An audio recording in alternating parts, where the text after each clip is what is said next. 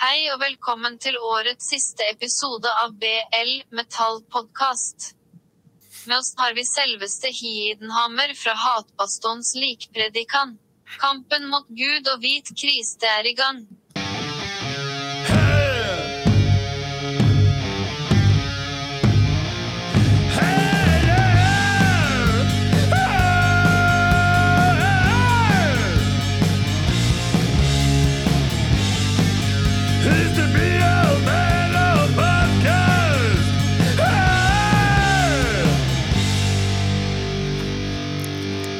Ja, välkomna då till BL Metal Podcast som är eh, uppföljningsavsnittet kan man väl kalla från förra veckan då jag och Heidenhammer som sitter strax nedanför Vithatten i Sundsvall och eh, bläddrar i böcker, äter knäck, dricker glögg och eh, tänker på metal. Ja, Dricker kaffe från Emperor Mugg vill jag också understryka. Mäktigt. Jag har en eh, Morbid Angel-mugg som jag köpte i Polen 2003, tror jag det är, som jag har på jobbet. Ah, Eh, och så brukar jag tänka att jag är den enda mellansta- mellanstadieläraren i Sverige med Morbid Angel-mugg. Kanske. Vad, vad är det för motiv på den? Det är bara den svinsnygga loggan på transparent. Det är som ett med glas. Det är en mugg fast det är så här, ett dimmat glas är det liksom. Och så med loggan på. Jag köpte en väldigt märklig Dark Throne-mugg i, i Ryssland för tio år sedan. Till skillnad från de mer, de mer generiska Darkthrone-muggarna som är där ute. Eh, Ja, den här, var, den här är mycket, men den är nog inte generisk. Fan, jag skulle egentligen ha hämtat den, men jag får försöka beskriva den istället. Då. Det, det gynnar ju lyssnarna också en del om du beskriver Ja. den istället. Mm. Jo, jag tänkte nästan. Uh, äh, men det är en ganska snygg ihopmorfning av uh, Soulside Journey-omslaget och Goatlord. Men så var det precis som att den som har designat koppen av någon anledning tyckte att det ändå fattades någonting. Så de klämde dit ett sånt där alkemi-skelett med grinande mun och huggtänder också som för att sätta liksom pricken över i. För att den skulle vara läskig, kanske? Ja, jag tror det. Ja. ja, alltså ibland så glömmer man bort för en sekund att eh, den konstform man älskar mest egentligen är läskig. Alltså, eh, man tänker inte på det, men det ska ju vara läskigt. Liksom. Ja, jo. Det, jag vet inte riktigt hur mycket jag själv ville erkänna det här i tonåren men det var ju ganska uppenbart att mycket av den här konsten hade ju, eh, om man skulle göra ett vändiagram mellan den och serietidningsvärlden Mm. så skulle väl de här världarna kollidera eh, rätt rejält, tänker jag. Och det måste man ha i åtanke när man pratar med folk som inte är insatta överhuvudtaget. Att, eh, det är ju vad de ser. Liksom. Mm. De, de ser ju X-Men på något Ja. vis. Och det är ju inte fel. Uh, egentligen inte. Absolut inte. Absolut inte. Eh, vi har ju ett litet upplägg här nu. Eh, jag sa precis till dig innan vi började spela in här nu att det är eh, höga krav man sätter, sig på, sätter på sig själv. Uh, Lillit, min eh, sambo, hon fyller ju... Hon fyller ju 40 nu så att hon ska ha kalas på fredag och det ska, ska slås på stora trumman och så där. Och vi har eh, barnens kusiner här också. Och jag har liksom åkt och hämtat vikbord och grejer nu. Alltså det, ja, det, det är sån mayhem. Samtidigt som jag har det här och nu, nu uppdagar det sig att eh, hatpastorns likpredikan-gänget, inte du faktiskt som en ren slump, har ju startat någon sorts krig mot mig. Och eh, jag håller ju på med en vedergällning som jag ska presentera här nu framöver. Så det är mycket nu.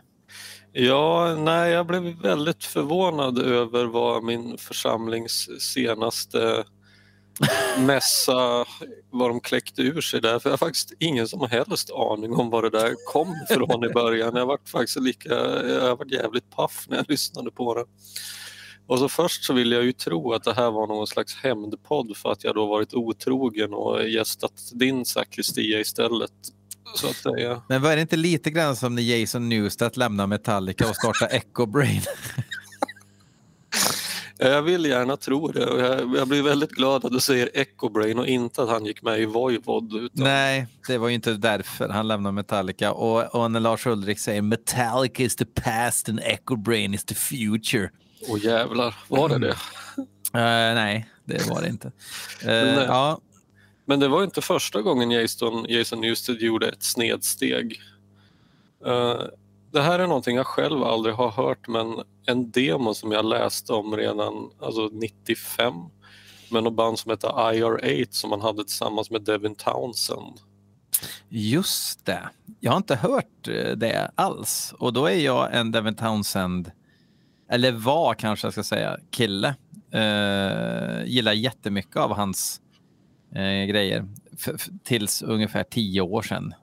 Då började jag tappa det. Men ja, keep on going.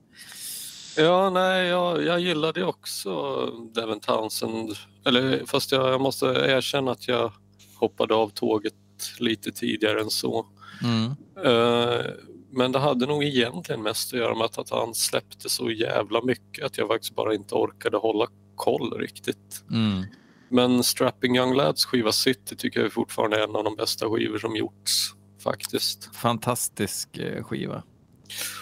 Och sen, men det kom ju, han spottade ju ur sig, det var väl, eh, vad heter den, uh, Ocean Machine och så Mm. Devin Townsend Project och så Physicist och så Ja, jag vet inte, det blev bara för mycket och jag tyckte att han kanske hade tjänat på att hålla igen lite grann för på något sätt i mina öron så blev det lite utspätt att hade han eh, Mm. hållit sig till de riktigt bra idéerna och enbart släppt dem så tror jag att intresset hade kunnat finnas kvar. Men du hängde ändå med tio år Absolut. till. Ja, absolut. Fram tills han släppte de här fyra skivorna under Devin Townsend Project. Addicted tycker jag är skitbra till exempel. Ja. Ehm, men, men, men lite intressant att du nämner just Physicist där, för att jag köpte någon uh, Devin Townsend-box med ett gäng soloskivor då, innan Project-tiden. Och då var Physicist med det. Och den, den känns verkligen som en skiva som jag inte har. Det är så bedrövligt fula skivor också, så att då tänker man ju att det, det här går inte att lyssna på. Och så eh, läste jag, liksom, han har ju skrivit som lite böcker med då, som man kan läsa och att det här egentligen var en Strapping Young Lad-skiva. För att han hade ju lagt ner Strapping Young Lad eller lagt på is eller någonting. Så att det är Strapping Young Lad som spelar på den. Ehm, Men det låter ju inte alls som Strapping Young Lad tycker jag. Fast lyssna på öppningsspåret Namaste är ju en av de bättre låtarna Devin Townsend har gjort.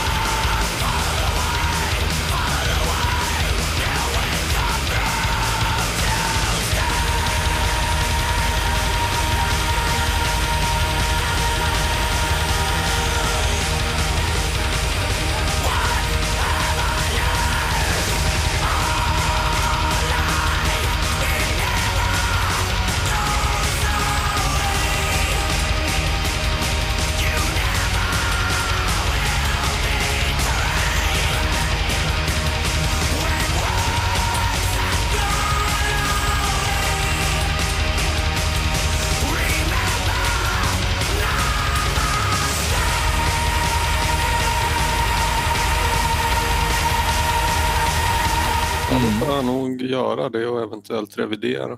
Den är skitbra och han var i så jävla dålig form då också. Så han, det är inte hans bästa sånginsats, men jävlar vad han... Det hörs att han eh, inte mår bra på den skivan. Och det går man ju igång på. Men det var, det, det var väl tju- var det 2001 den dök upp. Eh, Det var en jävligt bra fråga. Tur att vi har Google här då. Kan vi kolla upp det direkt. Det var... Uh, 2000. Så pass till och med. Den tog styggt. Ja, men det- fan, men det var väl...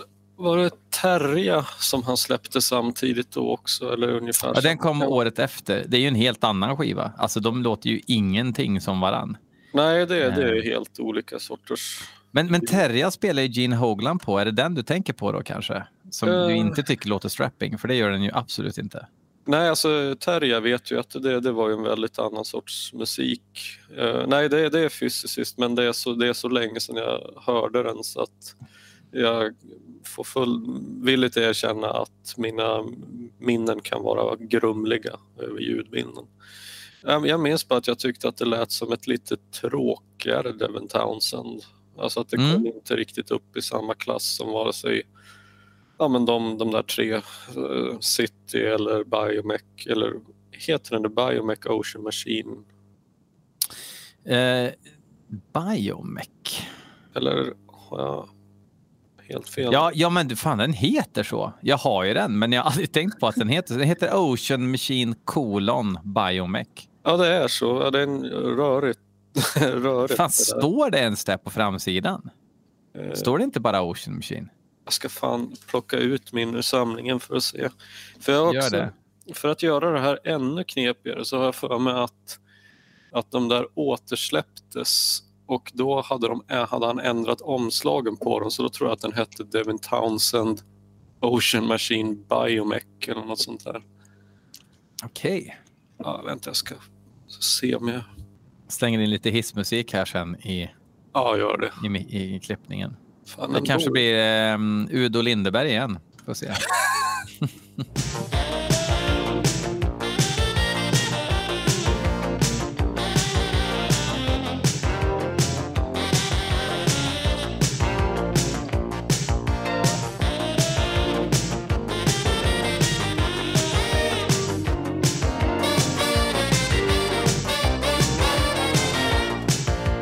Ja, jag, jag vill ju verkligen understryka att jag, jag, faktiskt, jag har fortfarande ingen aning om vad det här angreppet på, alltså på din podd, var det kom från i, ja, i senaste poddavsnittet av...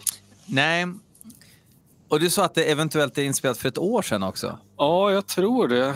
För Mm. att eh, som sagt, jag är ju inte med och eh, de där har nog definitivt inte varit i samma rum på, på väldigt länge. Så att om det inte är ett år sedan, vilket jag tror det är, så är det definitivt under tidig vår. Alltså typ januari, februari eller någonting.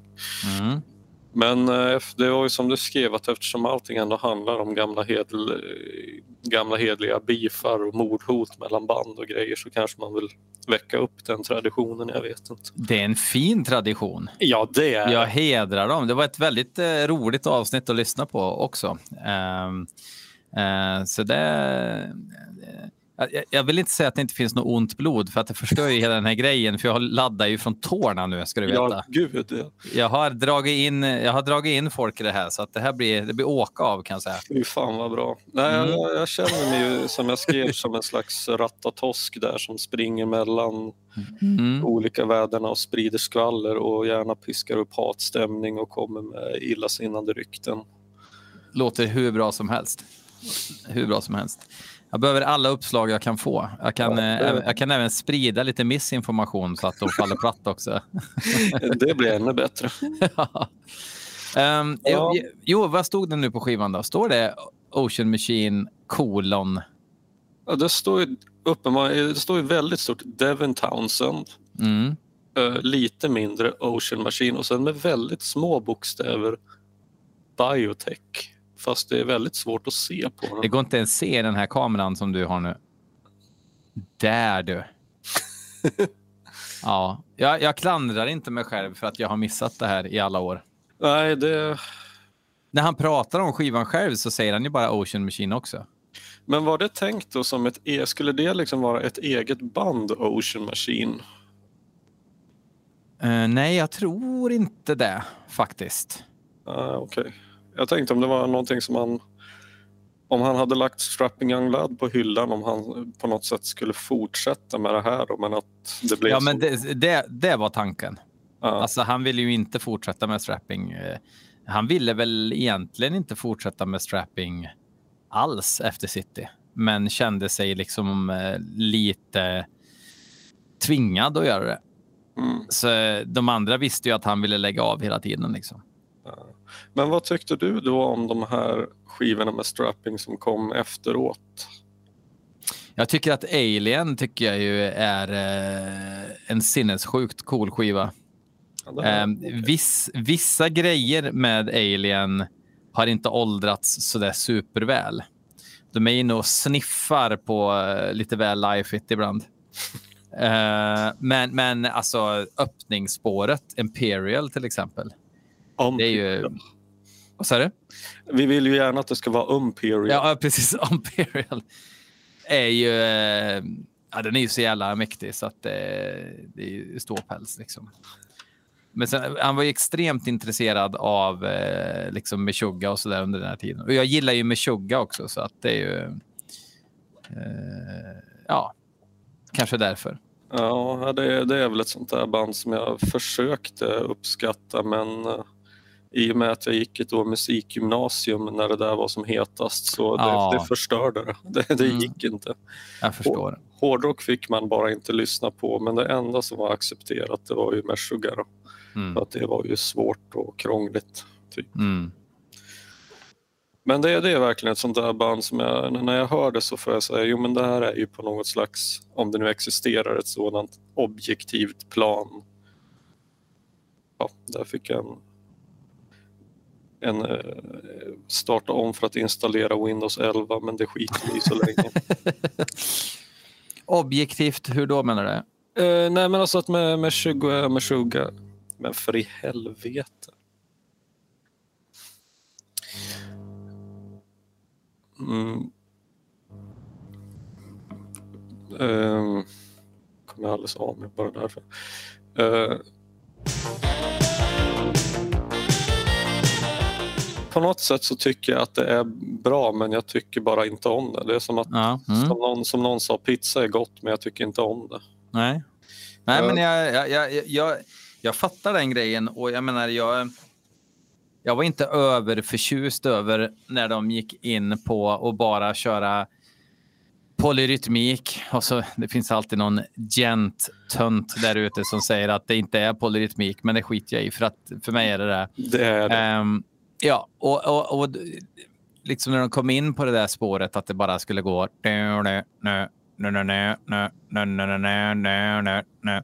Men jag har kommit in i... Alltså jag tycker det är som att man försätts i en sinnesstämning som inget annat band lyckas med. Men alltså man hamnar i någon sorts jävla dvala liksom. Med tyngden i det. Jag tycker det är skitbra. Jag tycker Jens Kidman på sång är väl den största akilleshälen. Samtidigt så vet jag inte vad han skulle kunna gjort istället för att det skulle bli bättre. För hade han inte sjungit som han gör, utan hade haft någon kanske väsigare, mer åt black metal-håll eller haft någon sorts melodisk, då hade det blivit fruktansvärd musik istället. Ja, det hade ju inte funkat alls. Eh, Nej, Men men de är alltså, fast med honom på gott och ont, tror jag. Jo, men så är det väl. Och det, nej, men det är väl ganska uppenbart att sången där blir väl också ett rytminstrument mer än något Ja. annat. Precis.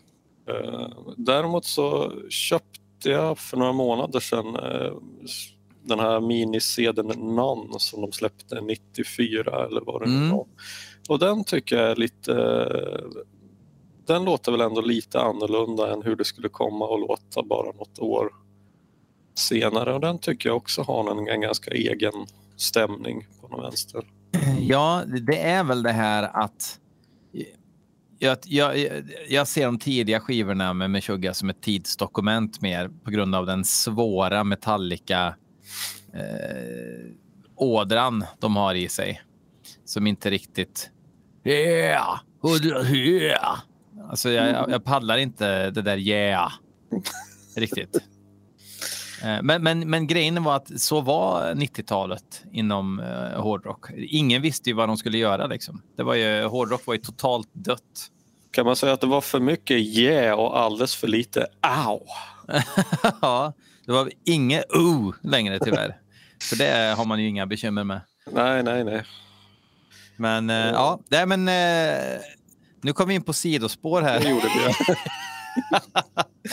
Okej, vad är det vi ska Ja. prata om nu? Det är Ja, men egentligen- och det är så jävla tråkigt att ens prata om, men, men ja, vi gör det ändå. Eh, jag har skrivit upp lite skivor här som är bra. Ja. Spänn, spännande va? Ja. Ehm, jag, jag kan börja med det som jag inte har lyssnat mig in ordentligt på än, men som jag tror är bra. ja. Och det är Concrete Winds. Eh, Concrete Winds eh, är ett eh, band sprunget ur eh, eh, i, eh, Gotlands, nej vad säger jag, åländska Vordum heter de väl? Ett ögonblick. Det här var smalt. Mm, det är ganska smalt, men, men de, de är ganska nere med scenen sådär. Många vet vilka de är. Eh, vad fan säger jag? Vårum heter de ju, eller hette. Ett band som, som eh, blev lite så här småomhuldat, men inte var så där jättebra tyckte jag. Ehm, de startade om eh, och startade sedan eh, Concrete Winds som är extremt rensig death metal. Tangerar väl black metal. De släppte en skiva Primitive Force 2019 och nu kom den nya skivan då som heter Nerve Butcherer.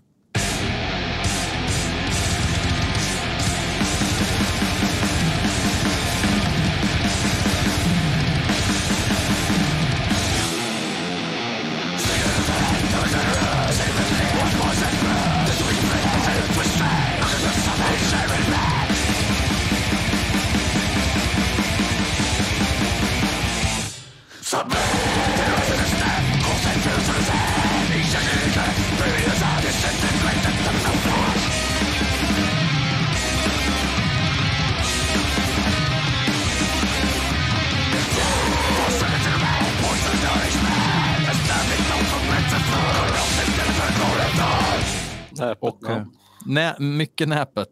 Och, eh, ja, men det, det är liksom totalt jävla ställ. Liksom. Alltså, och iland, uland, Åland. Möjligtvis Öland därefter också. Ja, ja. Uh, och det är, ja, Concrete Winds får jag säga vet jag ingenting om och inte Vårum heller. Det är det enda jag vet om Åland är att jag var där på en konferens för en, snart tio år sedan. Att jag skulle, jag ville gå ut och kolla på stan men det var liksom en gata och sen så var det slut. Mm. Eh, Alltså, eh, hyfsad lappsjuka på Åland kan jag tänka mig. Ja, det, det vill jag ju tro. Eh, vad är det nu så att säga? Nu brister mig mina geografikunskaper. Vad heter så att säga huvudstaden eller huvudorten på Åland? Är det Mariehamn eller? Det är väl Ma- är det Mariehamn? Ja, men det, det kan jo, men Jag det tror det. Ja, det, där, där Eh. befann vi oss i alla fall. Ja, det är väl kanske bara där. Är är det liksom lite grann som Öland också så där att det är eh, massa semestrare där och så också som bor vid kusterna och sen så är det Ja, i- ett Ica Quantum inne i stan. det måste väl vara så. Eh, som sagt, det här var, ja, det var väldigt litet. Eh, Öland är ju åtminstone ganska, det är ju en rätt stor ö. Det är väl ett gäng mil från norr till söder. Men Ja, det går ganska fort att bränna igenom eh, skiten. Jag var där för några år sedan, några, typ två och ett halvt år sedan. på, på Öland. Ja, Ja. med husvagn. Vilken jävligt Macken-sketch. Mm, ja, ja, men alltså. Det är liksom som att folk... Hade jag sagt husbil hade du gett mig high five. Men när man säger husvagn, då är det som att det är lite töntigare. Men, eh, men varför är det det egentligen? Varför skulle en husbil vara bättre än en husvagn? Jag vet inte, husbil, då är man lite mer, då är man rik som satan, tänker folk. Jaha, det kanske Och, ehm, och så bara, ja, det är friheten liksom. Husvagn, då kommer det, då är det mer...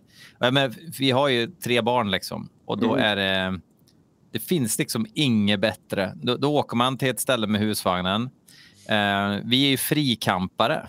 Det låter som ett skällsord, men eh, det, så att vi föredrar att bara, okej, okay, nu är vi in the middle of nowhere. Här finns det en badplats och så ställer man sig där helt gratis och så har man solceller så man får energi. Barnen ränner runt i skogen och leker eh, och vi gör inte det alltid. Och, eh, ja, men det är grymt. Ja, det låter rätt gött. Ja, vi plockar jävligt mycket hjortron nu i höst till exempel med husvagnen. Bara en sån sak. Ja, vart var ni då någonstans? Då var vi utanför Mora. Ja, ja. Ehm, såg inte Shamate.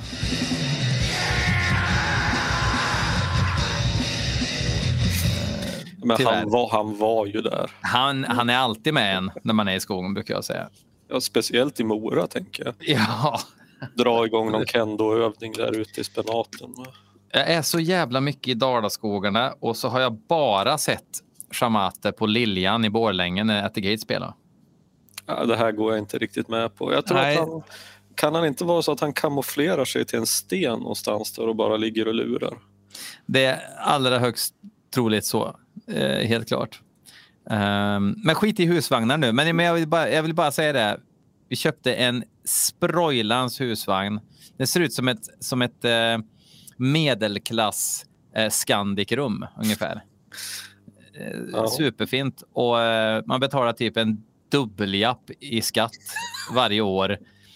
Och så kommer det någon stekare där med sin husvagn och bara skrattar åt den och de betalar genom röven för att ens äga den där husvagnen. Liksom. Så, eller husbilen. Och då bara tänker jag, ja. Man ska ha husvagn brukar jag säga då. Exakt det, ja. Eh, nästa band. Mm.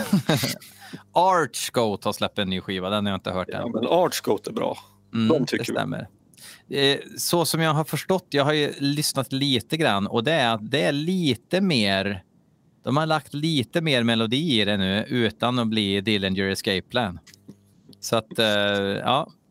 Eh, ett lite mer melodiskt Archgoat låter ju jävligt suspekt då i mina öron. Men, mm, men de har inte tappat kärnan.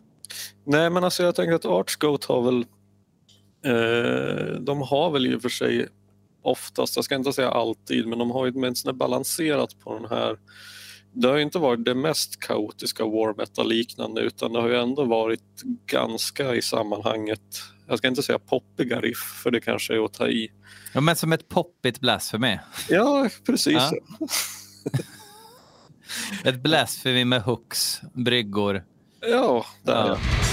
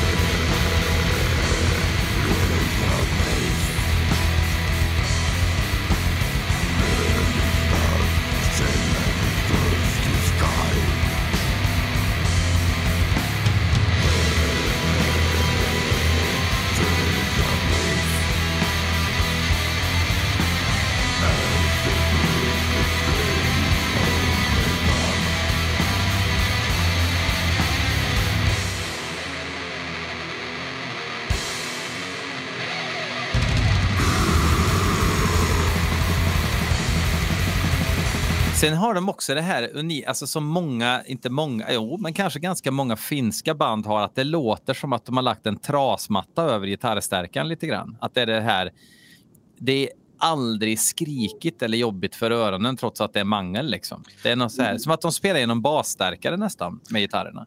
Men det, nej, men det, det stämmer och det, ja, men det, det har jag nog tyckt har varit eh, lite grann av den, den så kallade war, war-metallen, krigsmetallen.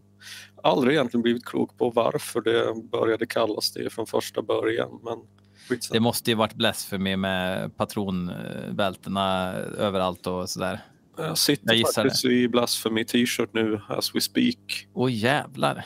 Men det är den här, jag tänker om det var deras skiva Gods of War, om det hade någonting med saken att göra eller var det bara looken som du säger med patronbälte också? Ja, alltså det är, alltså när någon säger att ja, det är war metal, då vet man ju vad man har att vänta. Ja, jo, det... Men ja, det jag skulle säga med, just med om war metal är väl att eh, det är ju sällan man hör någon direkt skarp ljudbild i den genren utan det är ju dovt är ju Mm. vad jag kommer att tänka på. Och det är det som gör det, gör det lite skönt, alltså som en lite mer av en ambient-känsla snarare än noise. Ja. Det blir easy listening trots att det är långt ifrån på många sätt. Och just det där att, att det är ett plus i kanten om trummisen är riktigt dålig också. Ja, ja, alltså folk ska ju inte lära sig att spela trummor. Alltså då blir det ju automatiskt sämre. Mm. Ja, Nej, det- men man vill ju ha den här slafsiga, haltande entakten som så när lyckas sätta en ja, fyrtakt är väl att ta i. Det är väl helt enkelt vad det låter. Det är en entakt. Det är, det är som en freestyle med dåligt batteri som maler. Men vad det Archcoat skiljer, särskiljer sig lite grann också att det är liksom ingen aggressiv sång utan det är mer prutt, pruttljudssång liksom. Mm. Jag får inte till den nu. Den mer än skrik liksom. Mm, nej, det stämmer. Jag tyckte, eh, Conqueror och sådär hade ju lite mer attack i rösten. Mm. Så att det där kan väl växla. Det är, det är ju lite lustigt att vi kan liksom differentiera olika sound i den här ganska smala genren. Ja, men de låt, man hör ju att de är finnar. jo, jag, jag, jag håller med om det. Att finnar, då är det liksom eh, getperversion eller supermelodiskt liksom. Det är finnarna. Ja, min, min sambo frågade mig, hon, hon, eh, hennes föräldrar kommer ju från Finland och hon undrade om det fanns något specifikt finskt ljud, och jag kunde, väl- finskt sound. Jag kunde väl bara säga att ja, det finns väl ganska många finska sound i och för Mm. sig. Eh, och vi kom och började, hon frågade liksom, men vad är det egentligen som gör att man kan urskilja sådant? Och det var väl, åtminstone förr i tiden så hade väl här mer med studios att göra. Alltså, Mm. och i Finland var det väl oftast Tico Tico eller Woodhouse som så att säga, fick stå för, för ljudbilden medan i Sverige, ja, men vi vet Sunlight och Abyss och Unisound. Så Som åldrats sämre. men visst har de väl det va? En, eh, alltså, ja. Jag, jag tycker att Immortal at the Heart of Winter är väl peak uselt gitarrljud. Eh, från Abyss tror jag. My, mycket på grund av att Abath är en sölkurv också när han spelar gitarr. Eh, men det, det är, ja. More is more är det ju på gitarrerna i alla fall. Det är så Ja. jävla mycket dist liksom som kontrolleras med någon eh, noise suppressor. Ja, men jag tänker det som Vivisection som brukar, som ibland gästar likpredikan och som spelade i, i Asa Graum. Jag, hade, jag tyckte hon hade en väldigt bra metafor för abyssljudet i form av tomma kalorier. ja, ja Och, och jag, kan, verkligen. ja, men jag tyckte hon satte verkligen huvudet på spiken. över att det, ett så håller jag med, jag, jag vet inte, jag, jag ser Immortal efter Blizzard Beasts som ett helt annat band. Jag, jag tycker att det har musikaliskt så lite att göra med skivorna som kom. Ja, det, det blev ju, om, om Blizzard Beast som vi sa förra veckan är Battles in the North möter Morbid Angel så är väl Immortal efter det Immortal möter Manowar. Ja, det är ju så det är och det är ju i ärlighetens namn ingen lycklig kombination vill jag påstå. Mm. Mm. Är du, Mm. Gillar du skivorna efteråt? Eller? Jag tycker att The Heart of Winter, eh, det är liksom riffs don't lie någonstans. Eh, att det kan blåsa så mycket i en frisyr under så lång tid, eh, det är fan mig märkvärdigt alltså. Sen, det enda anledningen till att jag kan tänka mig att man inte gillar det, det är bara för att vibrationer och kemikalier i omlopp eh, som gör att man inte gillar det. Men, men eh, jag ser inga moraliska bekymmer med musiken. Däremot så clownerierna kan man ju leva utan. Ja, det, det togs väl lite grann till sin spets med de där promobilderna för, för skivan. Ja. Men, eh, nej, men alltså det, det är ju en preferenssak. För mig det är bara musik som inte riktigt är min bag. Men Mm. Eh, av någon märklig anledning så gillar jag den där I-skivan som de släppte 2006 och den är ju om möjligt en ännu mer melodisk Immortal. Ja, det är ju Immortal möter Manowar möter Kiss snarare. Ja, det kanske är det det Det behövdes en... en Alltså den, den LPn köpte ju jag liksom, ja, för att eh, jag köpte den när den kom. Liksom. Och med den kan jag ju köpa en ny husvagn till om jag vill idag, om jag säljer den. Är den, har den alltså nått eh, antikvitetsvärdering? Ja, jag tror inte att den släpptes i så många ex. Jag ska se här nu vad... Eh, och nu kommer ju alla liksom Discogs-nördar säga ja, men du kan inte liksom, det, det är inte vad den är värd utan det är liksom, ja men jag vet. Håll käften. Um, nu ska vi se. Det är kul att den, att den heter Between Two Worlds också, vilket är väldigt märkligt. Ja, Ehm, Eh, här. Nu ska vi se. Den ligger på... Nu får Discogs-nördarna hålla för öronen när jag säger vad den ligger på. Den ligger, ja men highest då, 3000. 3000 spänn för Ja. Eyes between two worlds. Ja. Jag blir alldeles matt. Let that sink in. Eh, men men ja, vi måste hoppa vidare för att vi, alltså, vi har en deadline också för Ja. att vi ska ta oss igenom det här. Reveal från Uppsala har jag hört lite på och så bara känner jag att okej, det, här, det här kan verkligen bli någonting. Det här kan vara en riktigt bra skiva. Eh, har du någon relation till Reveal? Jag vet dessvärre alls inte vad det är. Jag bodde Nej. i Uppsala i flera år men jag, jag vet inte. Jag lärde faktiskt aldrig känna folk inom metalsvängen där i någon Hmm. utsträckning alls egentligen. Jag hörde dem första gången 2011 när de släppte skivan Nocturne of Eyes and Teeth. Och Kan, vi-. Vad- vad- kan vi ta om den där titeln en gång till? Nocturne, alltså Nocturne Ja, of Eyes and Teeth. Ja det får någon annan tolka för mig. Ja. Mm, ja, jag, jag begriper heller inte. Eh, då lät de som att de hade lyssnat på Ritual-skivan med Masters Hammer, om jag kommer ihåg rätt. Ja, det är ingen dålig eh, utgångspunkt. Verkligen inte. Eh, men jag, jag, jag för mig att jag tyckte om den, men du vet, det är så mycket man tycker om Ja, här i ja. livet så att man bara går vidare med sitt liv och låtsas som ingenting har hänt. Och sen så eh, trodde väl inte jag att de fanns längre i princip. Um, men nu har de släppt en skiva då som heter Doppelherz.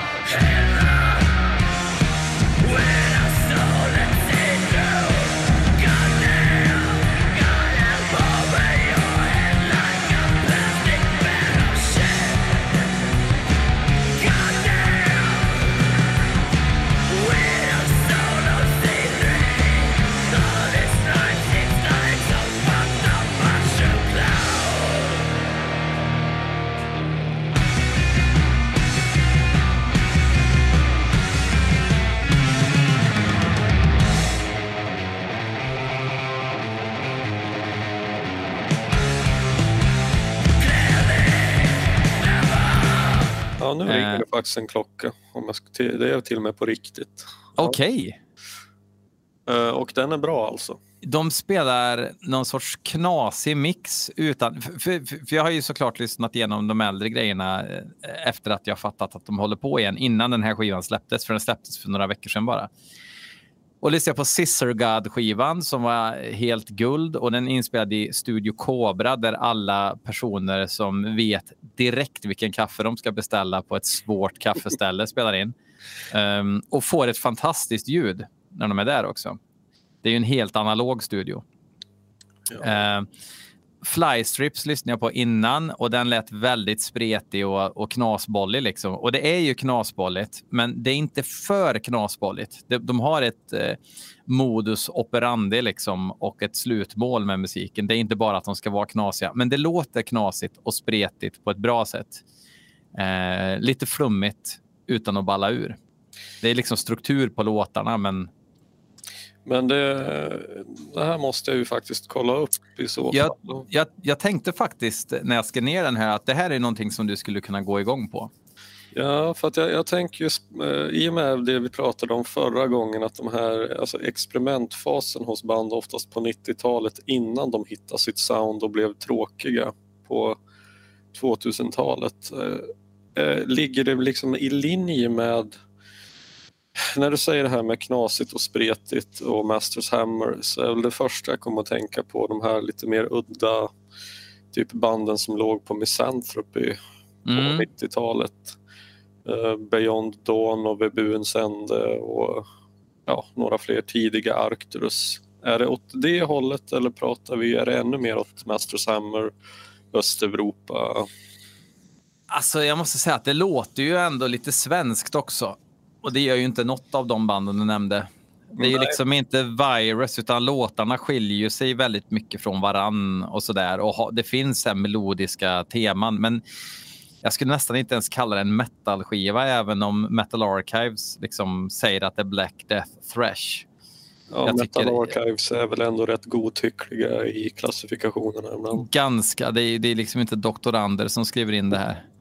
Eh, Men de har, de har knasiga titlar. Första låten heter Cocoon Bitch Regalia. Eh, Andra låten heter Inshallah. Mm. Den tredje låten heter Cockfights med tre K som KKK. Okej, Eh, ja. Bags of Shine heter en låt. Shine, alltså S-H-I-N-E. ja. Sen Some Marionettes, Some Kites, A Few Knives i parentes.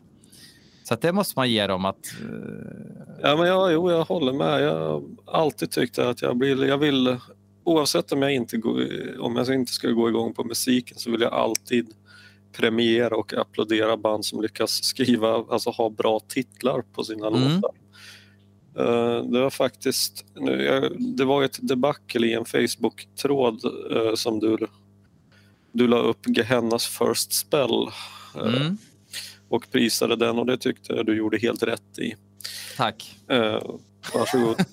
eh, jag vill ju mena, jag tycker Malice är ju en av eh, världens bästa skivor. Och det jag skulle komma till den var just att det, det jag tyckte om i, när man läste intervjuer med Gehenna från den tiden var att de var väldigt noga med att allt skulle hänga ihop med musik, eh, omslag, titlar och texter. Alltså att det faktiskt skulle vara en väldigt ambitiös helhet av det hela. Och Mm, bra titlar gör en nyfiken, alltså så enkelt är det. mm, Jag blir mer nyfiken av den där drakar och knivtiteln än ja, vad ska jag dra till med In Darkness I Dwell eller mm, mm, mm. alltså det, okej, Reveal säger vi från Uppsala. Ja, det säger vi. Eh, ja, eh, ett, ett väldigt bra band, så mycket kan jag säga. Mm. Ehm, och sen nya band. Jag nämnde ju Incarceration. Ehm, jag kände att jag hela tiden ändå ville säga att de är inte unika på något sätt, men jag tyckte ändå att de eh, trängde igenom surret liksom, och det ska de ha cred för. Det är ju inte lätt att göra idag. Nej. Sen har vi, ehm, jag hade ett avsnitt tillsammans med Christian Fredriksson från Solum för några veckor sedan. Hans eh, soloskiva. Han jag spelar i samma band som han, honom så att det blir ju jävligt jävigt här liksom. Men eh, det finns absolut ingen anledning för mig. Jag känner ju många va? Eh, utan att, att, att, att, prata så gott om deras musik i den här podden. Men den här skivan är riktigt bra. Det är en instrumental skiva. Proggigt, men, eh, men håller sig inom ramarna för att man kan eh, stampa med foten i takt och grejer. Encountering Murk heter den. Mm. Eh, väldigt bra skiva. Men det, det, lyssnarna har redan hört mycket av den eftersom vi spelar en del låtar från den då.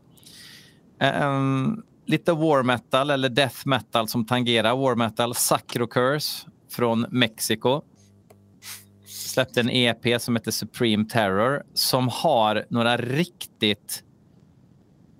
De bryter av med riff man blir glad av.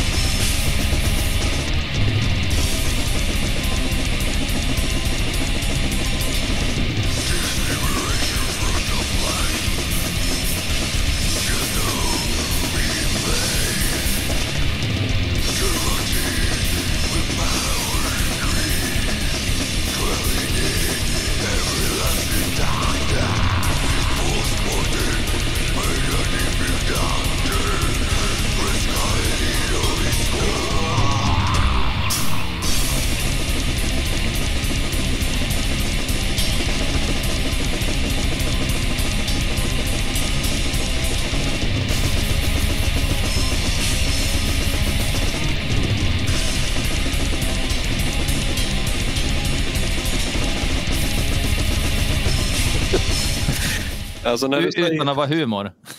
alltså när du säger War Death från Mexiko så mm.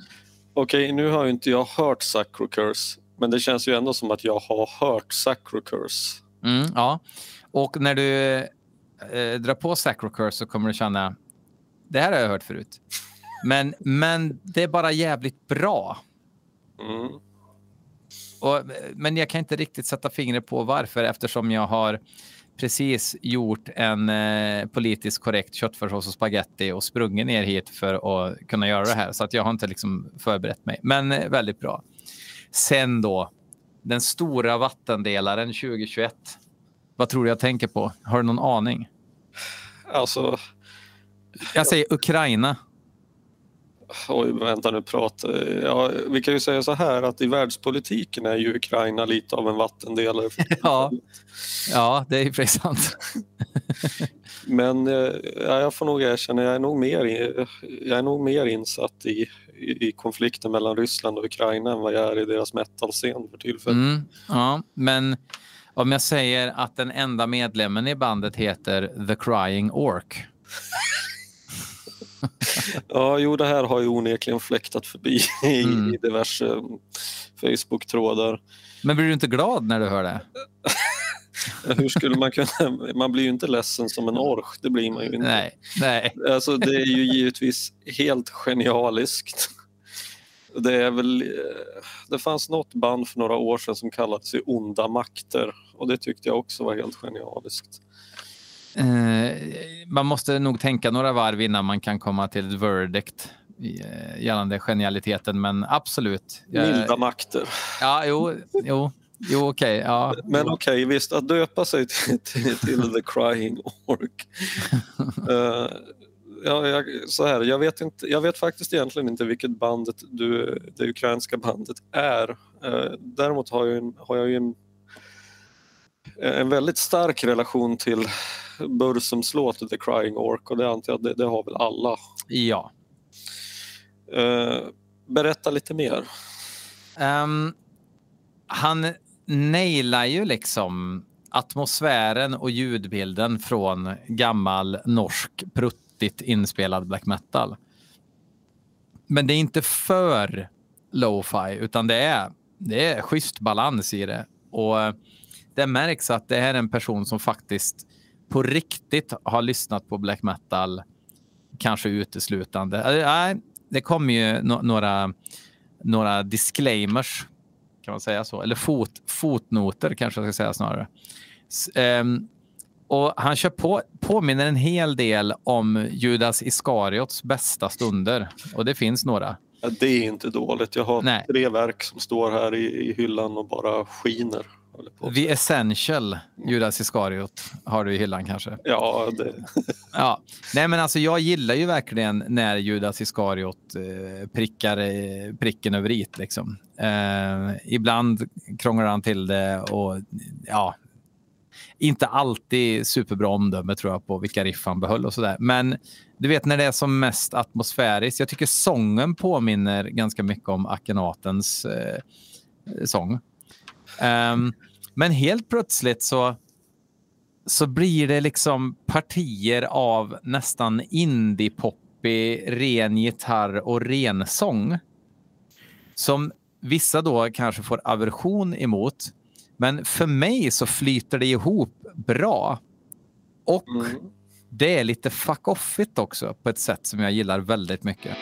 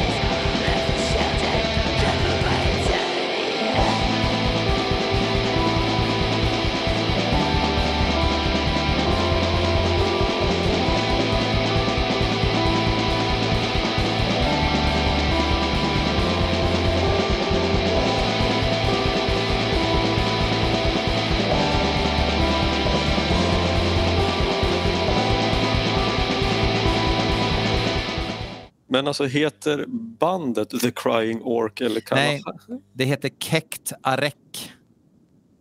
Vad betyder det? Ingen vet.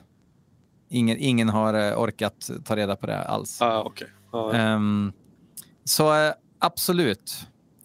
Um, Kekt Arek med The Crying Orc i spetsen. Ja, ja och längst bak också. Och längst bak, Han, ja, naturligtvis. Ja. En, en enmansarmé kan vi kalla det. Ja, men alltså, enmans black metal-band behöver man ju sällan i sitt liv. Men jag, jag tycker...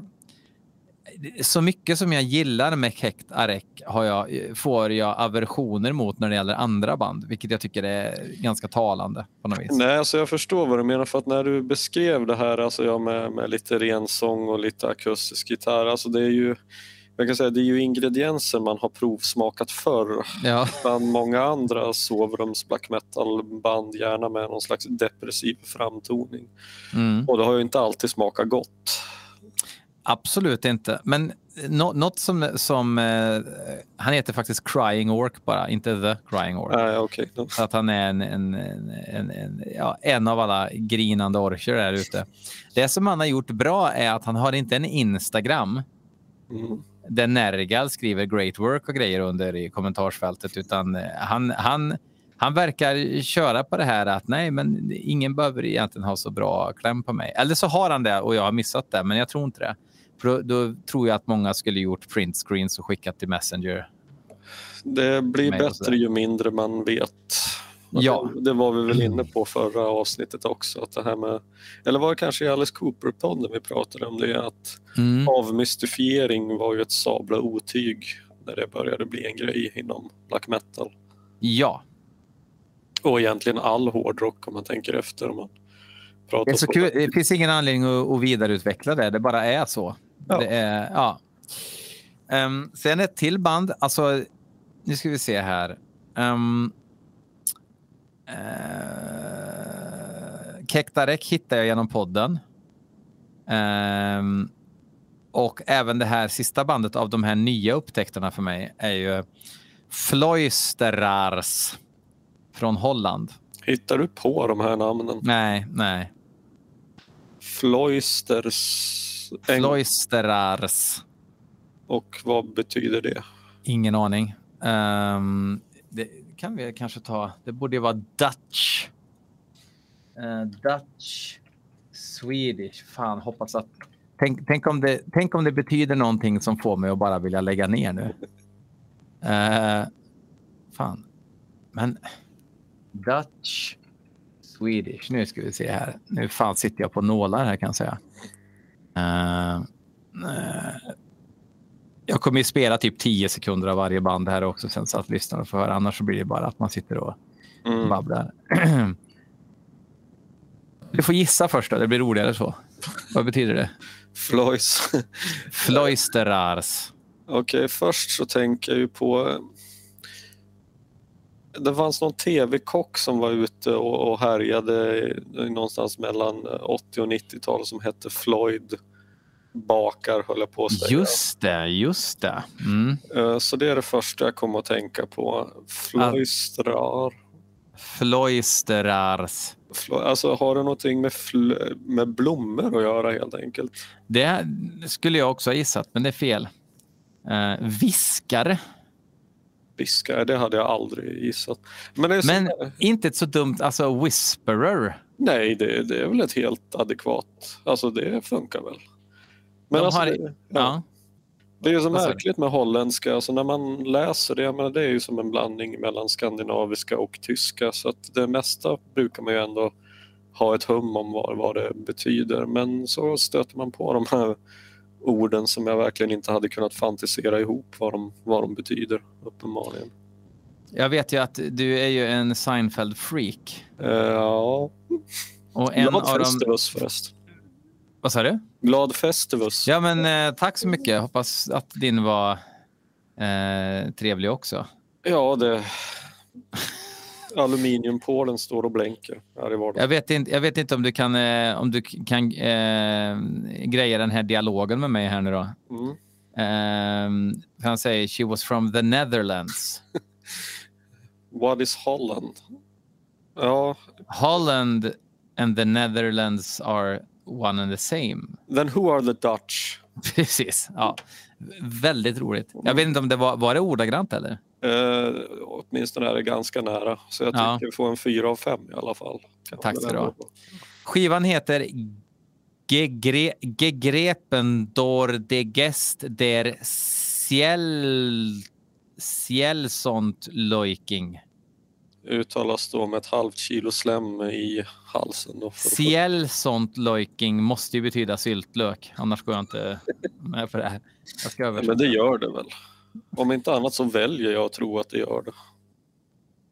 Gripen av själens uppvaknande ande. Det lät som Sorin. Ja, det gjorde det verkligen. Men det blir mycket bättre om man blir gripen av en syltlöks uppvakning.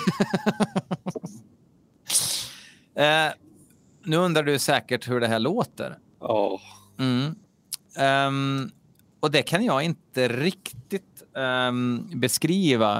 Eh, det låter... ehm, ja, men det är lite uh, skogsgrind. Tuka, tuka, tuka, tuka, tuka. Men, men det, det är... Jag vet inte om jag skulle kalla det black metal. Jag vet inte om de gör det själva ens. Uh, Floisterars. Jo, det gör de. Eh, eller någon kallar de det. Eh, de håller sig till natur och döden som tema. Och då tycker jag att man går igenom filtret, för mig i alla fall, vad som känns rimligt för genren. Men och jag vet att, att när någon säger shoegaze så vill man bara mata ett magasin åt det hållet oavsett vem som sa det. Men det finns inslag av shoegaze i, alltså som ligger bakom, alltså ett ljudlandskap med gitarrer som Mm. klär musiken på ett jävligt effektfullt och smakfullt sätt.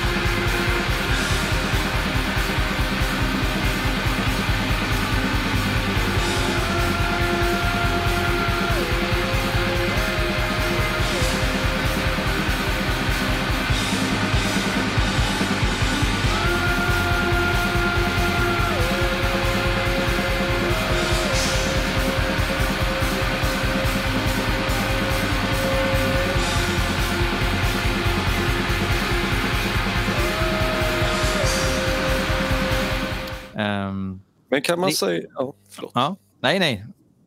Eh, Men kan, man säga, okej, men kan man säga att det här med... Alltså, på pappret så tycker jag att det är en genial idé att blanda shoegaze och extrem metal och black metal. Mm. Eh, jag, jag tror jag nämnde att i, tidigare i år så köpte jag en, en samling med 700 skivor och då var kanske åtminstone 350 av dem mer typ shoe, åt shoegaze-hållet. Mm. Eh, det, det är en genre som jag definitivt uppskattar ganska rejält när det är bra. Vill säga. Sen finns det en hel del olyssningsbart även i den. Som alla genrer. Ja, ja, naturligtvis. Helt säkert att det finns world music-poddar där ute som, som eh, tycker att 99 procent av det, är skit också. Liksom. Ja, gud, ja, det tvivlar jag inte en sekund på. Eh, och då, jag hade faktiskt tänkt på, min, på mitt eget block där jag hade skrivit upp några försök till upptäckter till i år så tänkte jag komma in på, på det i form av Alcest som jag efter Mm. tio år eller vad det nu blir äntligen har börjat köpa på mig skivor av. Mm. Och det är väl också ett sånt där band som jag verkligen vill tycka om men jag får erkänna att det engagerar mig inte riktigt när jag väl lyssnar Nej. på det.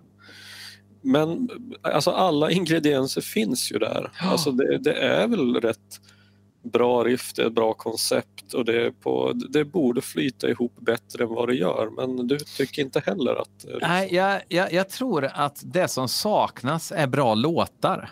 Ja, det är väl det va? För ibland så känner jag så här, fy fan, jag skulle kunna, jag skulle kunna ge en hand för att gilla Alcest just nu. För exakt nu behöver jag eh, den formen av musik i mitt liv. Liksom. Um, Floisterars är ju stökigare liksom, och lite mer primalt än vad Alcest är. Alcest är ju väldigt Mark Knopfler i jämförelse. Ehm, men absolut, det, det borde limma bättre och de har ju gjort låtar som är bra, Alcest. Ehm, eftersom de heter Le Fleur de Pondeux, Le, Le, Ha, ha, ha. ja, ha, ha, ha heter alla skivorna. Eh, Le Voyage de Lume. Åh, för fan, det här vågar jag inte ens Ja. försöka mig på att uttala. Det finns en väldigt fin låt på den här skivan. Eh, en av de tre första som det brukar vara, om man inte har så bra låtar på hela skivan. Ja, det är nog Eh. de jag köpte. De tre första tror jag. Ja, men jag tänkte de tre första låtarna. En Jaha. av dem är, som är väldigt bra. Eh, och, och, och, ehm, de har säkert gjort mer grejer också. Men sen var det väl det Shelter.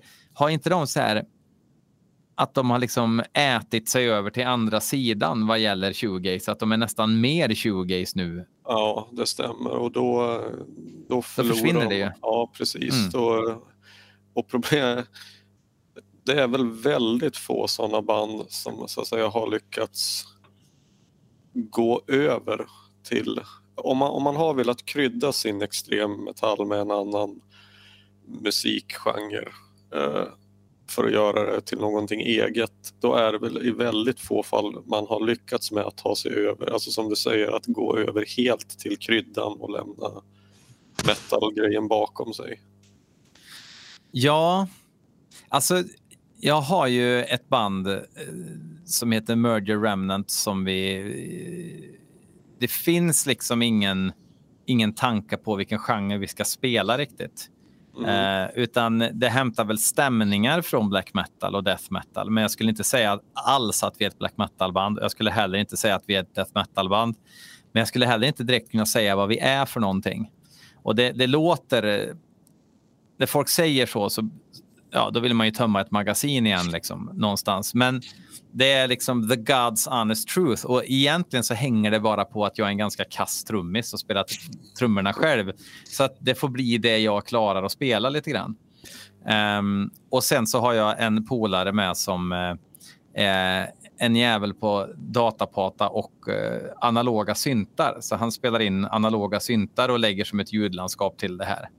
Mm. Ehm, och jag tror, jag tycker att det funkar för det jag vill få fram. Jag tycker att jag får fram det jag känner att jag vill få fram i det. Men jag tror att det är ett problem om vi hade varit ett black metal-band eller om vi hade varit ett death metal-band i grunden. För Mm. då, det är då det blir tok, tror jag. Om man bara inte liksom utger sig för att vara någonting så har man som lyssnare heller inga förväntningar på vilka vilka liksom referenser hjärnan ska ställa, kalibrera sig till. Och då Ja. kan det funka. Men däremot så finns det ju ingen marknad för det vi gör eftersom eh, eh, vi kan inte sälja patchar för ingen kommer ha en patch. Eh, liksom, alltså det, det finns ingen... Ja, men en fryslasagne. Ja, det skulle vi kunna ha.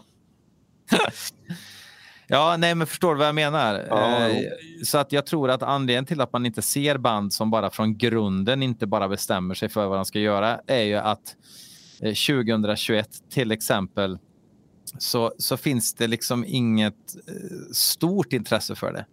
Och så tur är får vi göra det vi vill ändå och det smala intresset det får väl utebli då, men det är inte riktigt därför man gör det man gör. Ja, men det finns ett lustigt fenomen där som är, som är besläktat till... Eh, jag tror att du har helt rätt i det, att det är i så fall betydligt bättre att inte ta avstamp i någon genre som man ändå bara vill lämna bakom sig fortast möjligt. Jag tänker på, eh, av någon jävla anledning så tänker jag på ett gammalt tyskt band som heter Py- Pyogenesis. Eh, ringer det en klocka? Biogenesis, eller vad sa du? Vänta nu, vad fan? Pyogenesis. Pyogenesis.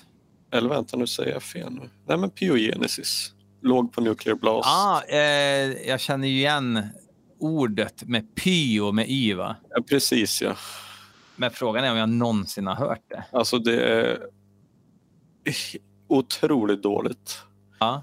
Eh, Men det som, gör det, det som gör det bandet lite kul som ett exempel är att eh, första demon hette The Churning Seas of Narmataru och det får jag tycka är en ganska true titel. Även om den är direkt rippad ifrån en Morbid Angel tacklista märkte jag när jag satt och kollade igenom Blessed of the Sick-bookleten. Bara för Ode sedan. to the churning seas of... Ja, det var fan i mig. Det var eh, stilpoäng på den Ja, titeln. men visst får man ge dem det att uh, nailed it liksom. Och när man ser den senaste bandbilden så har man svårt att tro att någon av de här medlemmarna var inblandade i det. Nej, det, det märktes ju ganska tydligt att det här var ett band som eh, sannolikt ville spela någonting annat ganska fort men de låg ju på Nuclear Blast så att eh, de hamnade väl i det här limbot att det gick inte riktigt att sälja det här bandet. Men av någon anledning så tyckte skivbolaget ändå att de var så pass bra att hålla kvar så att de försökte pusha dem och, och marknadsföra det som ja, alternative rock och att egentligen var det gotiskt och de var med på de här Beauty and Darkness-skivorna och det ena med det tredje. och sen den kanske mest desperata åtgärden för att försöka ha någon slags trohetspoäng kvar var när det hade blivit så dåligt att det var i det närmsta totalt olyssningsbart och lät som ett sämre skatepunkband blandat med en tysk på sång så döper de den skivan till Unpop för att visa att vi är minsann inga popsnören i alla fall. Det visar man ju inte nödvändigtvis med en titel. Nej. alltså det blev ju otroligt kontraproduktivt. Alltså det var väl som att Stockholmsnatt skulle få folk att sluta sabba. Ja, nej, det var eh, fet flopp på den. Men det får mig att tänka på de här... Nuclear Blast släppte ju så här massa DVD-samlingar. Ehm, och ehm, en ex-flickvän eh, köpte på sig de där. Eh, och jag hade nog aldrig gjort det själv, tror jag. Eh, men det var fan med kul att se vad Nuclear Blast försöker kränga härnäst. Och för det var ju en del bra videos med också. Det kunde vara lite så här old school, att de hade snyggat till någon gammal Benediction-video och slängt med och så där också. Ehm, men helt plötsligt så kommer Subway to sell. Alltså, det är så Jag jävla... förstår, jag förstår inte. Alltså det är så jävla roligt att du säger det för jag och pastorn satt då att jag hade lyckats komma över en sån där gammal VHS med Beauty in Darkness Mm. som de hette och det, alltså det var ju en helt osannolik samling band och låtar som de försökte desperat kramma in på de här Mm. samlingarna och det är ju precis som du säger att Jo men det, det fanns väl en del grejer som var påkostade och på något jävla sätt så hade Nuclear Blast lyckats göra en deal med typ Century Media eller någonting för på samma kassett så kunde det, kunde det vara Sentence och Tiamat tillsammans med Benediction och jag vet inte vad. Uh, det är ett ögonblick. Ja. Hate Forest kommer där nu. Hej! Hej. Du, vi håller på att spela in en podd här nu. Jag. Nej, nej, men alltså, nej, men du är inte sjuk nu. och knäpptyst. Då ska du vara helt knäpptyst. Stör inte nu när vi börjar prata om Subway till Sally eller någonting. Utan då, då får du vara neutral och låtsas att du aldrig har hört dem. Okej? Ja. Ja. Vad sa du? uh, jo, uh, nej, men som du säger, en Nej, påkostad... ett ögonblick, det här går inte. Hörni, nej, nej men det går inte.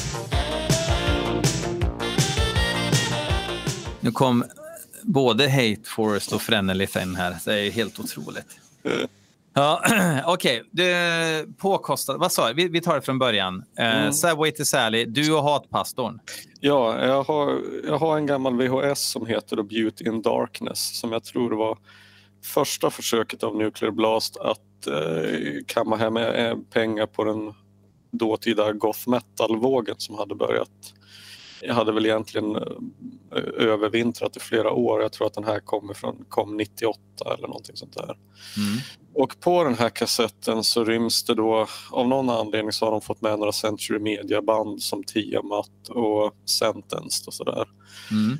Uh, och deras videor är ganska påkostade och så fanns det väl typ någon uh, riktig Nuclear Blast-video också med som du säger typ Benediction eller någonting eller Hypocrisy eller vad det kan vara. Ganska oklart vad de hade på en slags goth metal-video att göra men de fick väl vara med i alla fall. Jag säger bara Tyskland, punkt. Ja, det, det är exakt. Uh, Men än märkligare blir det när, när de slänger in de här fullkomligt bisarra banden som säger Subway to Sally och Cemetery of Scream och Och det som är så jävla kul med de här samlingskassetterna är att videorna till de här låtarna, ja men det är ju någonting som Marcus Steiger har suttit, alltså suttit och knåpat ihop själv med lite effekter och en handkamera. Och så sprungit omkring i någon skog någonstans och filmat, ja, natur antar jag. Jag måste googla en sån här nu, volym 4 från 2000. Um, Oj, då då har vi Mm. 2 slash die slash 4. Just. Har du hört dem? Ja, faktiskt.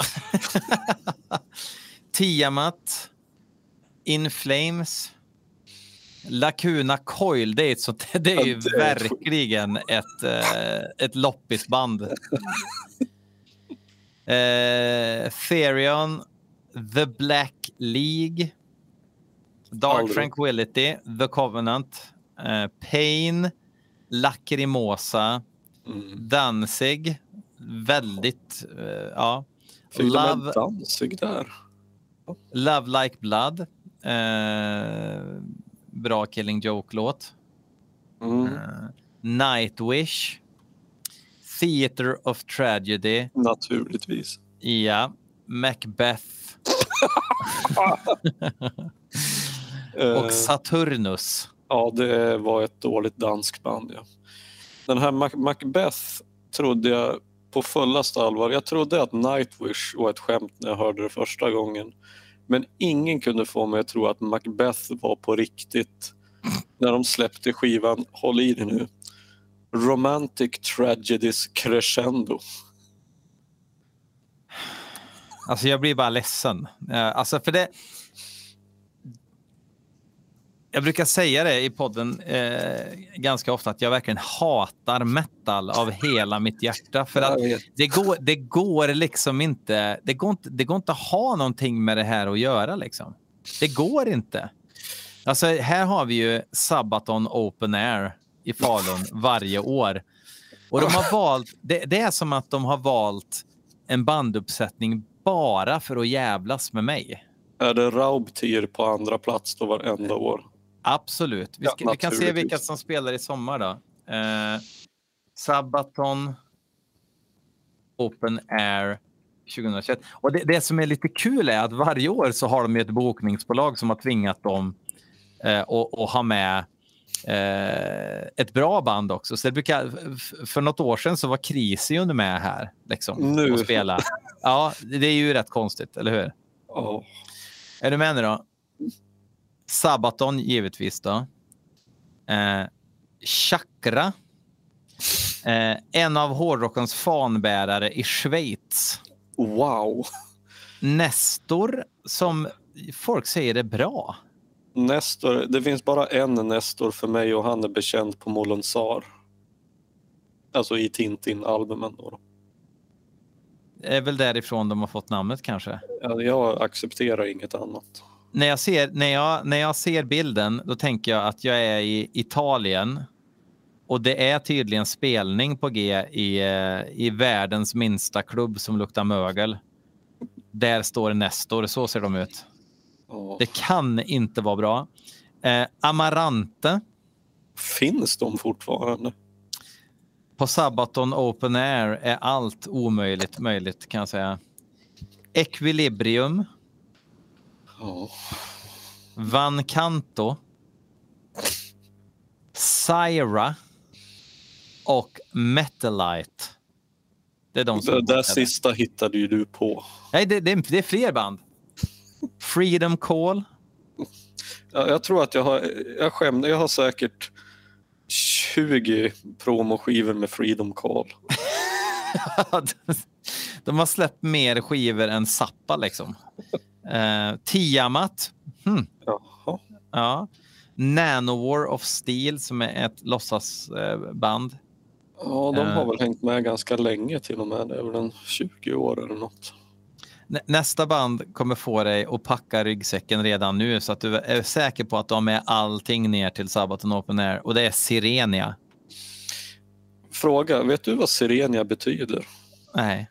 Eh, slå in det på Wikipedia så ska du få se någonting. Eh, Han är ju i uh, Sirenia. The Sirenia com commonly referred to as sea cows. det är alltså sjökossor. Exakt. Åh jävlar. Och så är de female fronted också. Det är väldigt märkligt. Eh, Mr Misery. Var det ett band alltså? Ja. My, Myrath. Myrat. Dark Tranquility. Det känns som att de kan spela överallt faktiskt. Ja, det, Eh, Burning Witches. ja. Eh, Et- Eternal of Sweden. Cryonic Temple. Falu power metal-band som har hållit på. Faktum är att eh, sen Stockholm blodbad har de repat och eh, Introitus, Methane, Reapers Mark, Lordi och Tungsten. Åh gud, tungs... Alltså Lordi, alltså på något sätt så känns det ju... Jag har väl aldrig varit en Lordi-fan eh, Men på något sätt kan jag inte låta bli att tycka att det känns lite sorgligt om de liksom står listade längst ner på Sabaton Open Air. Ja, det var ju inte flyern utan det var ju bara en lista. Så det Jaha. kanske var någon bokstavsordning. Men det som är intressant det är att det finns män i 50-årsåldern, f- 40 till 55-årsåldern som tar en paus från att slå sina fruar och svanktatuera dem och ta kombibilen och åka på festival för första gången på fyra år varje år för att se det där jävla skräpet. Min Men vissa av de här grejerna skulle inte vara konstigt att, att, att slänga ett getöga på liksom, eh, på en festival bland massa, massa bra bokningar. Alltså jag skulle ju säkert titta lite på Dark Tranquility och sådär. Alltså inga konstigheter. Men det är liksom hela paketeringen som är så jävla egendomlig. Alltså, alltså många av de här banden jag vet på Getaway-festivalen i Gävle, eller om den, den heter Mm. ju Gävle Metal Festival, heter den nu tror jag. Ja, då- kanske har bytt namn. Mm. Men då, då var det liksom de här vanliga, det var väl Vader och det var Behemoth och det var lite så här Dying Fetus och grejer. Och mitt uppe i allt det här så spelar Papa Roach. och, det- och, och då tänker man ju att det kommer ju inte vara någon där. Det kommer bli skitkonstigt för de här amerikanarna. Åka Ja. över hit och ha någon sorts reunion och så kommer ingen gå och kolla. Och så går man dit och det, det är så mycket folk.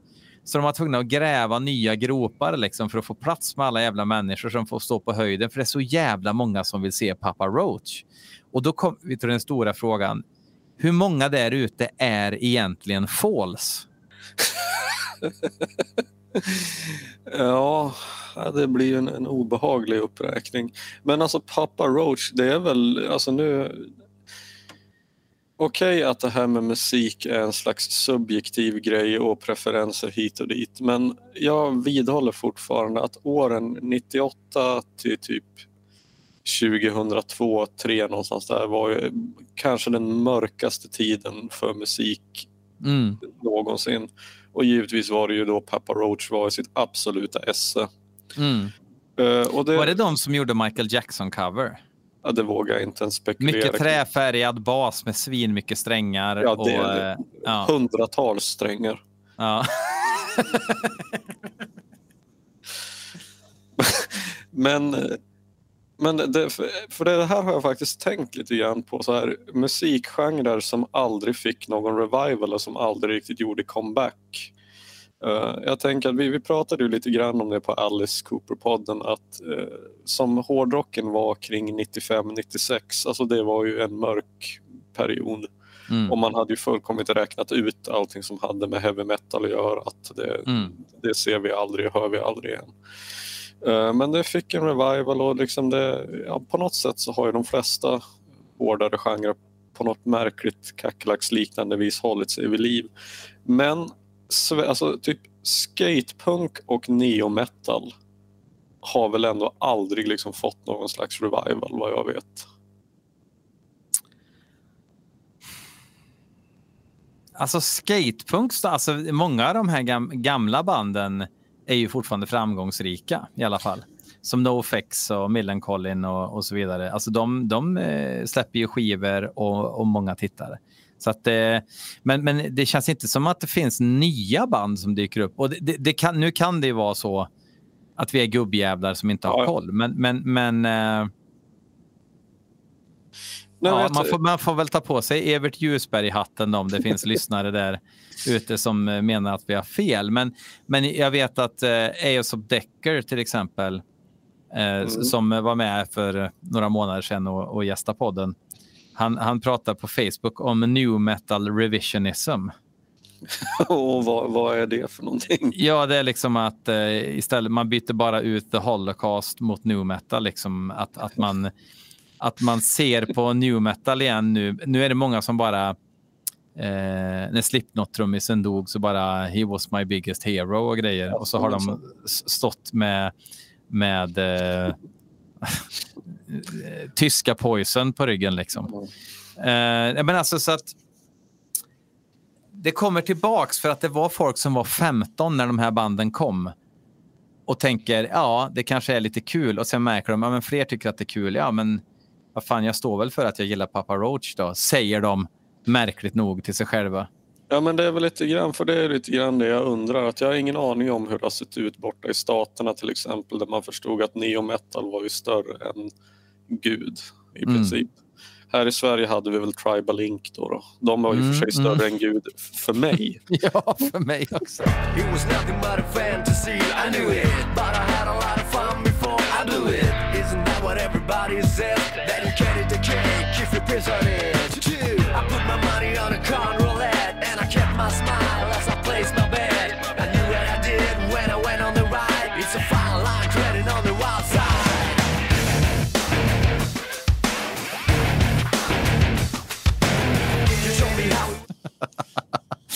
Men jag vet inte, det, det är väl... ehm, jag, jag, jag tycker det här Guilty Pleasures tycker jag är så jävla löjligt. Liksom. Jag gillar ju Toto och grejer. Och Det är bra skit. Ja, ja, det, det är inga problem. Alltså, gillar man saker som, som har setts som väldigt töntigt genom åren eh, så, så tycker man väl som någon sorts konnässör inom rack att eh, ja, men det finns ingenting som är töntigt. Men alltså, Papa Roach någonstans är, är ju för jävla töntigt för, för att kunna väcka känslor i en som är annat än fruktansvärda. Liksom. Men då var väl ändå, alltså, till och med, alltså Papa Roach var väl, var inte det bland de bättre i, i den där genren?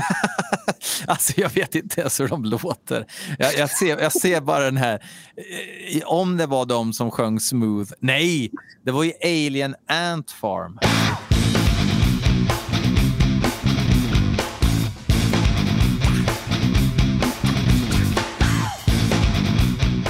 Jag vet Jaha, inte, alltså, Papa, nu- Papa Roach kanske är bra.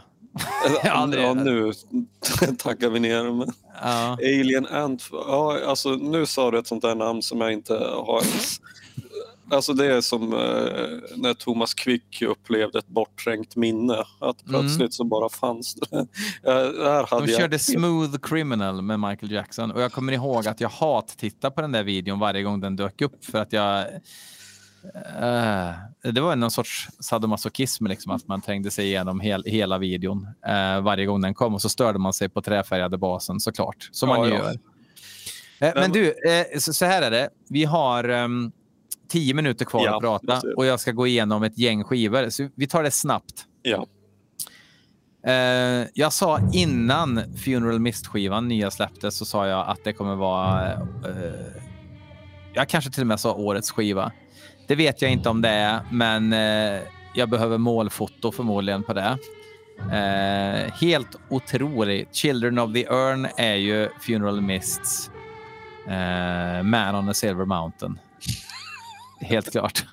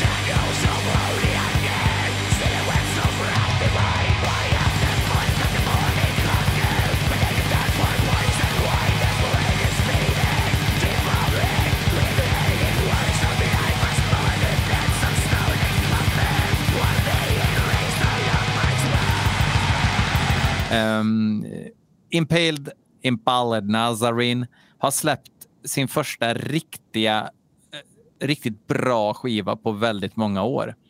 Ehm, från att de drar igång så hör man direkt att de har hittat över till set, rätt sida Gula geten igen. Eh, det är väldigt lite rock. Eh, det är en black metal-skiva som är, men, men med deras lite cheeky Mm. ehm, approach.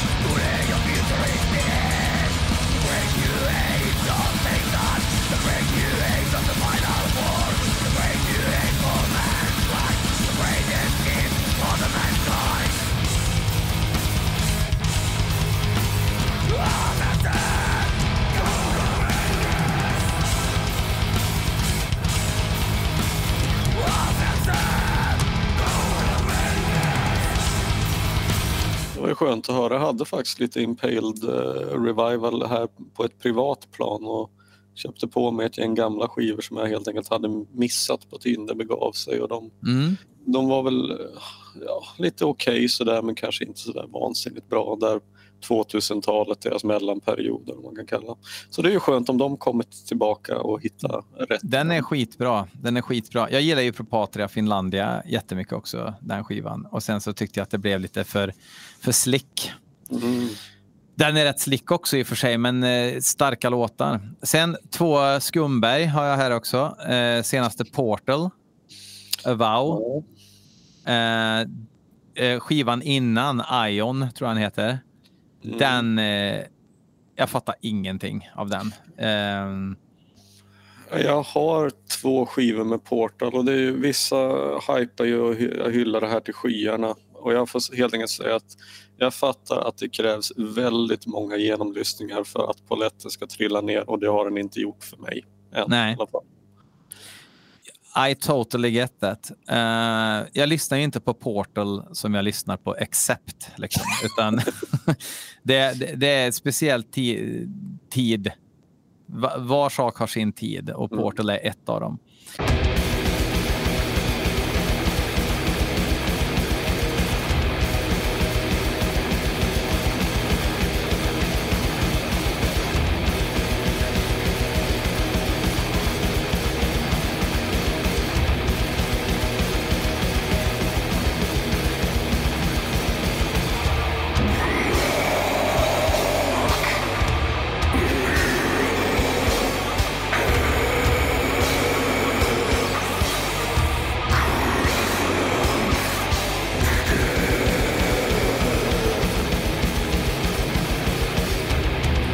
Vi ett poppigt Portal ifrån Spanien som heter Alter Rage.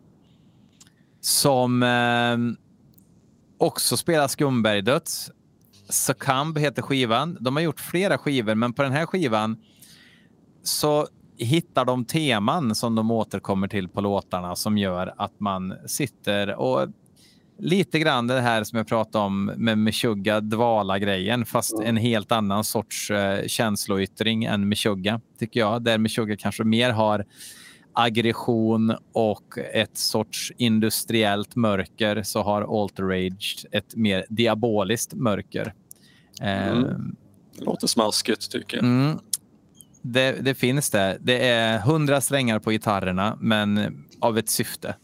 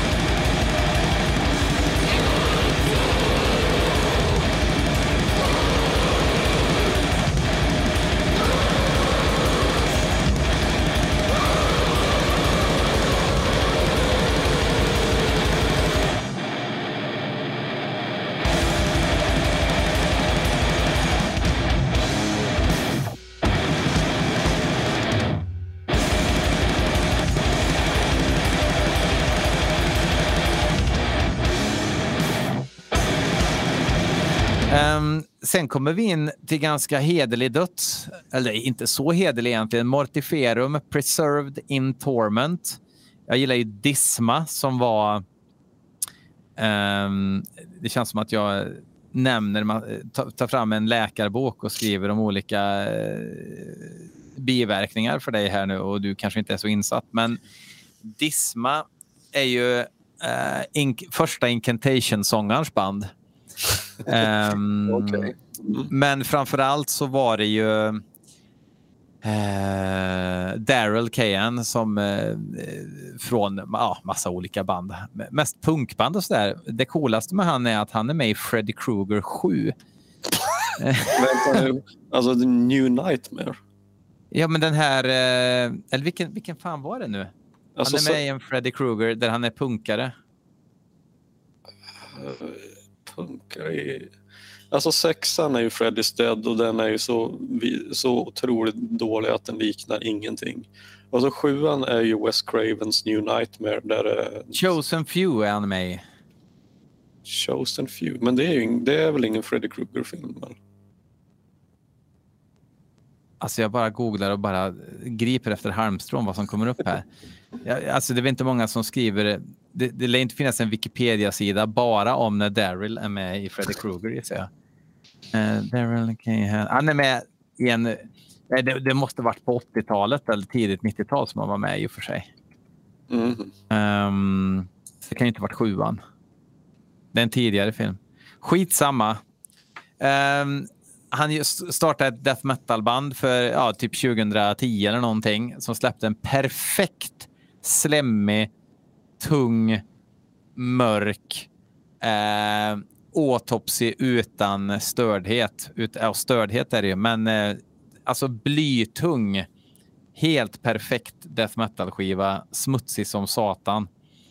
Eh, Det bandet var han tvungen att hoppa av för att Craig Pillard visade sig verkligen vara flångnazist, inte bara rök utan eld och började använda Jaha, ja. bandet som ett eh, politiskt utspel och grejer och det blev Jaha, ja.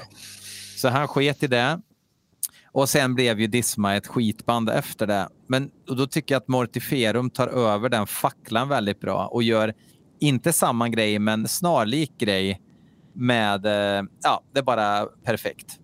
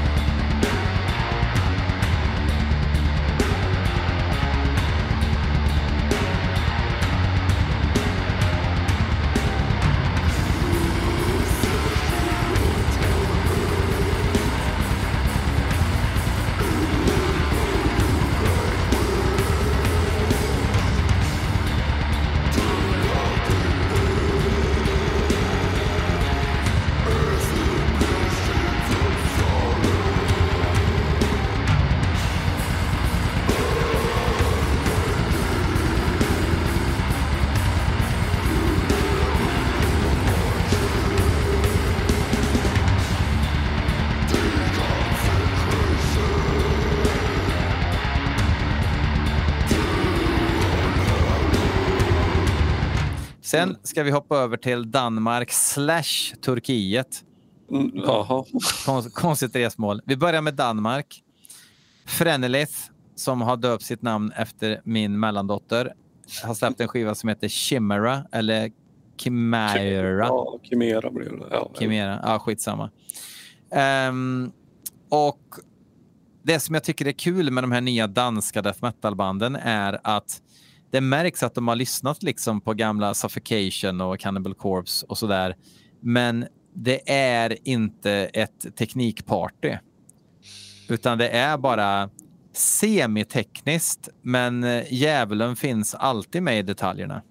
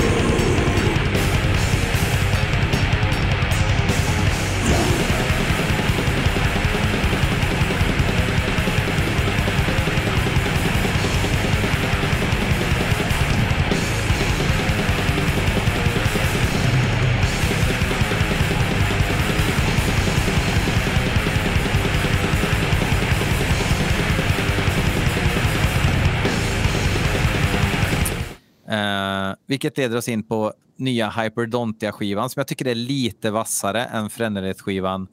Den heter Hideous Entity och det är ju folk ifrån um, Burial Invocation från Turkiet och någon tomte ifrån Danmark som sjunger. Uh, så att det är ett turkiskt dansprojekt och har varit det hela tiden, men danskarna har bytts ut och turkarna har ja, varit kvar. De vann kriget. Jag tycker att eh, Hyperdontia är strået vassare, även om Frenelith-skivan låter bättre. Eh, så tycker jag att det är så jävla många, det är så kul liksom som man tänkte förr på 90-talet, att man blev så jävla glad över bra riff på den tiden. Mm, mm, mm. Och det har jag blivit av de här skivorna.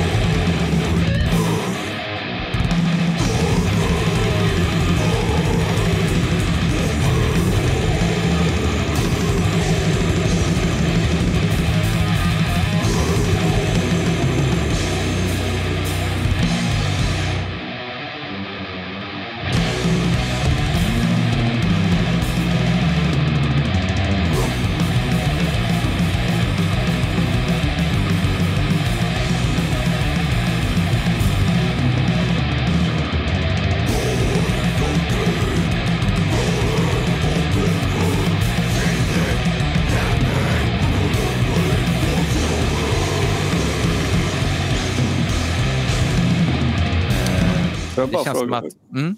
hur fan har du hunnit lyssna på alla de här? Eller liksom, det är det som Alltså- jag tycker är svårast med nya skivor. Liksom. Det, det, är, oj, det är att eh, när jag sitter och rättar på jobbet och sådär, Ja, då har ja, jag ja. tid med sånt där. Hemma hinner man inte så mycket, utan det är när man gör politiskt korrekt köttfärssås. Som man kan ha en lur i. Liksom, Mhm. sådär. Och sen, ehm, ja, man, eh, på kvällen när man ska sova en sväng kan man lyssna lite grann och bara, ja, men det här ska jag lyssna mer på. Och så gör man en priolista sådär.